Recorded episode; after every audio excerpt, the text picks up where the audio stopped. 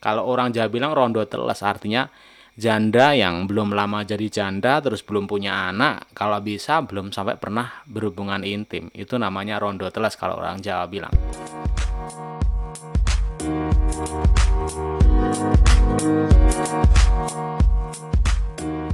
Selamat datang di luar nalar dan masih bersama saya Benny Pongo seperti biasa membicarakan hal-hal yang tidak bisa dinalar.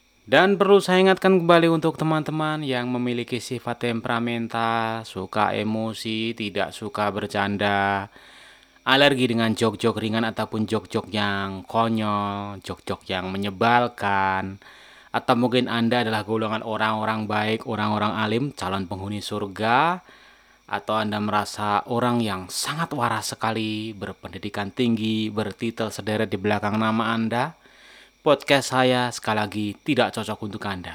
Karena saya membuat podcast ini hanya untuk teman-teman yang bisa berpikir santai, orang-orang yang berani menertawakan kehidupan kita sendiri, berani menertawakan kekonyolan kita sendiri, agar hidup ini lebih menyenangkan, ya, agar hidup ini lebih berwarna, tidak melulu serius. Oke, dan pada bahasan kali ini, seperti yang saya tulis, di judul kita akan membicarakan itu. Tapi sebelumnya kita intro dulu.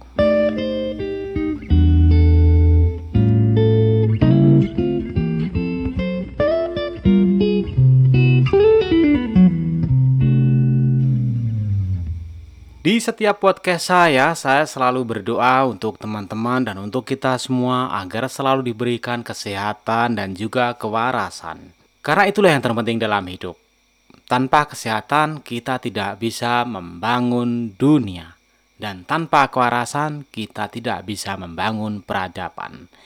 Dan semoga untuk teman-teman yang pada saat ini sedang menderita sakit, entah itu sakit berat, sakit ringan, sakit secara lahiriah atau mungkin batiniah atau dengan kata kasar sedang sakit jiwa, saya doakan segera sembuh, segera membaik. Tapi memangnya ada orang gila dengar podcast? Atau mungkin yang bikin podcast malah memang sudah gila? Ketika seseorang menganggap kita gila atau menganggap saya gila, kalau Anda tidak mau disebut gila seperti saya tidak apa-apa. Oke lah, saya sebut ketika orang lain atau banyak orang menganggap saya gila, bagi saya itu adalah sebuah berkah. Karena ketika kita dianggap gila, tentu banyak kewajiban kita yang gugur karena orang gila dibebaskan dari berbagai macam kewajiban seperti yang tertulis dalam kitab suci ataupun dalam peraturan di masyarakat yang tidak tertulis. Sebagai contohnya saja, orang gila tidak wajib melakukan kerja bakti. Orang gila tidak wajib puasa menurut agama. Orang gila tidak wajib membayar pajak. Bukankah itu menyenangkan sekali teman-teman? Akan tetapi, saya tidak menghimbau atau mengajak Anda untuk tidak membayar pajak ataupun tidak bekerja bakti atau bahkan untuk tidak beribadah seperti puasa. Walaupun Anda dianggap gila, lakukanlah kewajiban-kewajiban orang waras. Karena kita yang dianggap gila bagi banyak orang sejatinya adalah orang-orang yang kadang berpikir berbeda daripada umumnya. Orang-orang hanya akan menganggap seseorang itu waras jika seseorang itu sejalan atau sesuai dengan kepentingannya. Misalnya bisa diatur, bisa disuruh-suruh, atau mungkin bahkan bisa dimanfaatkan.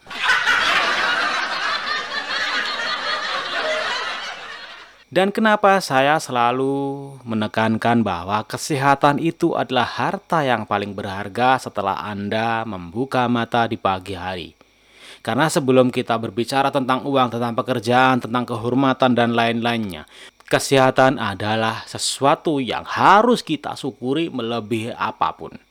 Namun, banyak orang melupakan itu karena mereka merasa bahwa hidup ini tidak cukup hanya sehat, harus sukses Sementara orang-orang milenial menganggap sukses adalah banyak uang. Dan orang-orang seperti saya, mungkin Anda yang mendengarkan saya, definisi sukses juga bisa berbeda. Tapi yang penting bagi saya, kita semuanya diberikan kesehatan.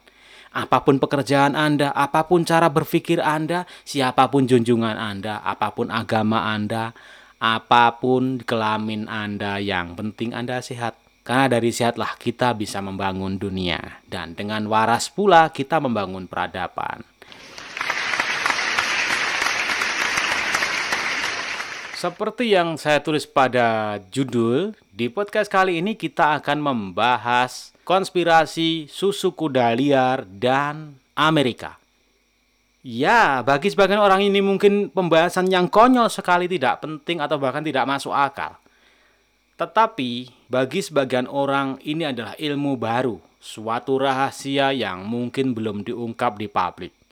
Maka Jangan mendengarkan podcast saya karena bahasan-bahasan sensitif seperti ini yang bisa mengundang emosi. Ingat, ketika Anda mendengarkan podcast saya, Anda harus tenang, berbaring pada posisi yang nyaman tentunya.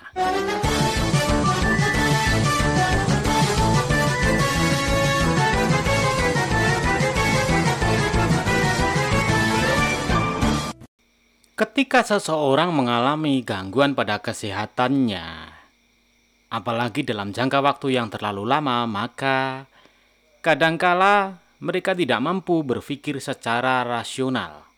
Apalagi di negara kita, terutama di Jawa, orang lebih tidak rasional lagi. Kita sering mendengar kata dukun paranormal atau yang dulu pernah heboh adalah ponari dengan batu ajaibnya. Saking ajaib dan saking tidak rasionalnya orang-orang kita atau orang-orang Indonesia pada saat itu, mereka yang tidak mendapatkan air dari celupan batu ponari si dukun cilik ini sampai rela mereka mengambil air bekas atau air comberan dari rumah ponari kemudian diminum dan mereka mempercayai itu bisa menjadi obat. Inilah kenapa saya juga sering mengatakan kepada teman-teman bahwa obat memang hanya memegang sekitar satu persen dari kesembuhan. 99% adalah sugesti. Sama seperti hidup ini adalah hanya soal sugesti dan itu kita akan membahasnya di podcast berikutnya. Namun kali ini kita akan membahas satu persatu agar Anda tidak terjerumus lebih dalam lagi pada konspirasi global antara susu kuda liar dan Amerika. Banyak cara dilakukan oleh setiap orang dalam menempuh kesembuhan atau mencari kesembuhan. Seperti yang saya katakan di depan, bahkan mereka atau bahkan kita menggunakan cara-cara yang tidak rasional, tidak bernalar. Coba Anda nalar, bagaimana mungkin air comberan bisa menyembuhkan sebuah penyakit? Jika memang itu benar dan berlaku untuk semua orang, artinya bukan hanya sugesti untuk menjadi sembuh, bukan sebuah kepercayaan bahwa jika saya meminum air comberan itu bisa menyembuhkan penyakit yang saya derita, maka untuk menjadi seorang dokter tentu tidak dibutuhkan sekolah yang lama, sekolah yang sulit, sekolah dengan biaya mahal tentunya. Dan salah satu obat mujarab yang pernah ngetren atau pernah tenar, pernah booming di negara kita ini adalah susu kuda liar. Ya, susu kuda liar. Bukan susu yang lainnya. Kalau susu yang lainnya, saya tahu mampu menyembuhkan banyak macam penyakit. Penyakit galau, penyakit mata, bahkan sakit perut pun bisa sembuh oleh susu yang lainnya, bukan cuma sakit-sakit secara medis, bahkan sakit non medis seperti orang yang kurang parah, sering menyendiri kalau melihat susu atau ya, ya, ya, ya, ya, ya. Katakanlah susu janda lah, janda muda begitu. Kalau orang Jawa, kalau bisa sih rondo teles, ya janda yang belum lama jadi janda terus belum punya anak kalau bisa belum sampai pernah berhubungan intim. Itu namanya rondo telas kalau orang Jawa bilang. Atau ya janda barulah seperti itu. Itu penyakit santet pun bisa sembuh. Saya kira seperti itu walaupun saya belum melakukan penelitian soal penyakit santet yang bisa sembuh oleh susu janda atau bahkan susu perawan. Pembahasan kita tentunya tidak akan melebar kepada susu yang lainnya selain susu kuda liar.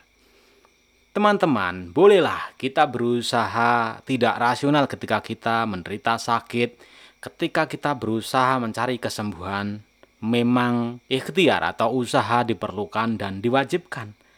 Dan walaupun kadang memang tidak rasional, tetapi mari setidak rasionalnya atau paling tidak atau minimal berpikirlah dengan otak yang normal, dengan otak yang waras. Yang saya maksudkan di sini adalah susu kuda liar. Banyak orang tidak menyadari bahkan yang penting percaya. Sugesti bahwa susu kuda liar mampu menyembuhkan berbagai macam penyakit Bahkan kalau tidak salah di radio-radio pun sering didengungkan. Susu kuda liar mampu menyembuhkan penyakit A. Susu kuda liar mampu menyembuhkan penyakit ini itu. Bahkan kronis, penyakit menahun. Dan orang dengan mudahnya percaya bahwa itu adalah susu kuda liar. Saya tidak menyalahkan ataupun saya juga tidak mempermasalahkan bagi Anda yang percayai bahwa susu kuda liar mampu menyembuhkan berbagai macam penyakit. Karena seperti yang saya bilang, bukan cuma susu kuda liar yang mampu bisa menyembuhkan berbagai macam penyakit. Susu janda, susu perawan juga mampu menyembuhkan berbagai macam penyakit.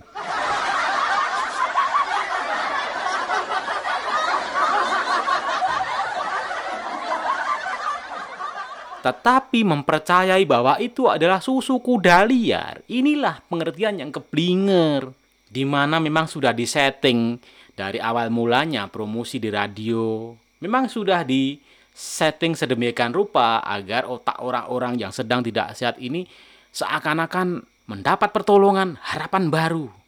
Tidak masalah ketika Anda mempercayai bahwa susu kuda liar mampu menyembuhkan berbagai macam penyakit.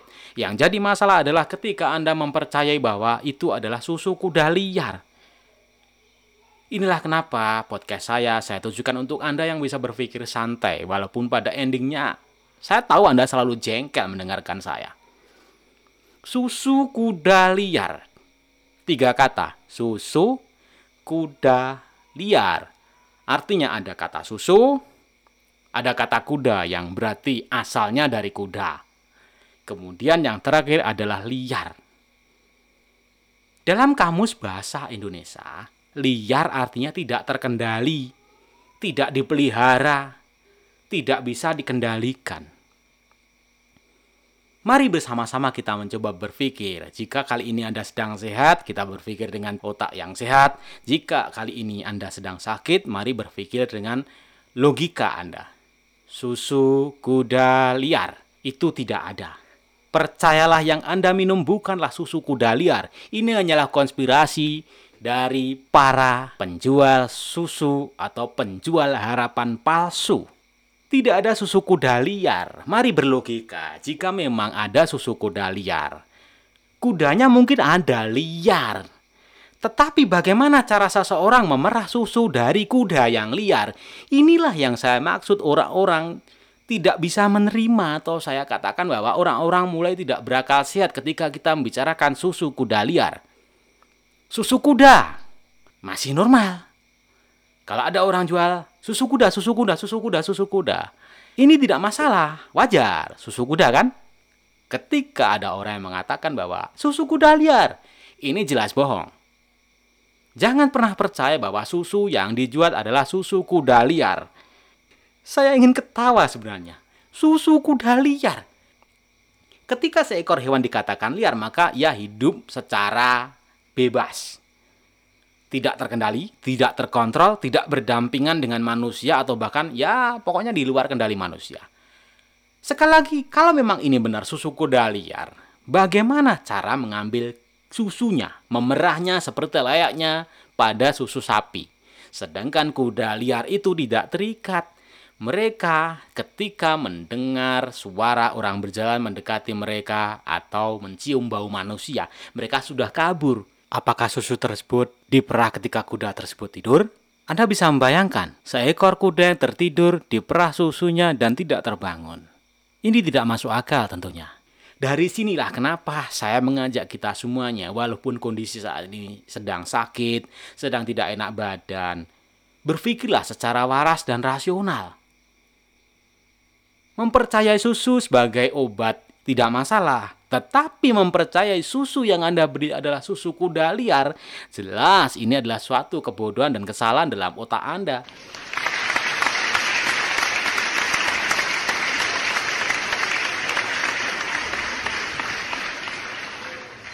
Tidak ada susu kuda liar, yang ada hanyalah susu kuda.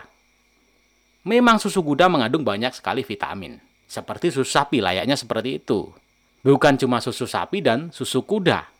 Susu kambing juga begitu dan seperti yang di awal saya juga bilang bahwa susu perawan dan susu janda itu juga baik untuk kesehatan. Namun sekali lagi jangan pernah percaya bahwa itu adalah susu kuda liar. Lalu apa hubungannya antara susu kuda liar dengan Amerika? Ini tidak ada. Tidak ada hubungan sama sekali. Konspirasi susu kuda liar dan Amerika. Tidak ada hubungannya susu kuda liar dengan Amerika. Dan bagi Anda yang saat ini sudah memegang susu kuda liar di dalam kulkas atau bahkan sudah di tangan Anda, atau mungkin Anda yang sudah meminumnya kapan hari sehingga Anda sudah menemui kesembuhan, dan Anda ngeyel, ini susu kuda liar. Betul-betul susu kuda liar. Karena ini sudah saya buktikan sendiri, mampu menyembuhkan penyakit saya. Oke lah, ketika Anda minum susu kemudian Anda sembuh, saya percaya itu. Tetapi ketika Anda mengatakan susu kuda liar, saya tidak pernah percaya. Dan jika Anda betul-betul mempunyai logika, tentu Anda tidak akan pernah percaya bahwa itu susu kuda liar. Pertanyaan saya jika Anda tetap ngeyel atau memaksakan diri untuk mempercayai atau mengajak orang lain percaya bahwa itu adalah susu kuda liar. Pernahkah sejauh ini proses pengambilan susu kuda liar ini dipertontonkan atau paling tidak diperlihatkan? Ya, ya, ya, ya. Sebagian orang mungkin berkata atau berpendapat bahwa itu tidak perlu, itu tidak mungkin, atau itu hal yang tidak pantas. Ya, itu terserah Anda. Karena sekali lagi tidak mungkin susu kuda liar itu bisa diperah. Kalau susu kuda bisa diperah, kalau susu kuda liar tidak bisa diperah, percayalah. Dan jika bisa diperah, berarti dia tidak liar. Ingat, jika dia bisa diperah dan dia ambil susunya, berarti dia tidak liar. Tapi saya yakin dari sini Anda sekarang sudah bisa sedikit berpikir secara nalar, secara berlogika, secara yang lebih baik. Paling tidak soal susu kuda liar lah. Dan mungkin di antara Anda yang tidak mempercayai bahwa susu janda dan susu perawan juga mampu mengobati berbagai macam penyakit, bahkan santet dan sejenisnya juga bisa diobati. Penyakit gila pun juga bisa diobati dengan susu janda, susu perawan. Kini sekarang Anda tahu kan? Maka dari itu, saya selalu menghimbau kepada teman-teman yang alim, calon penghuni surga, untuk tidak mendengarkan podcast saya.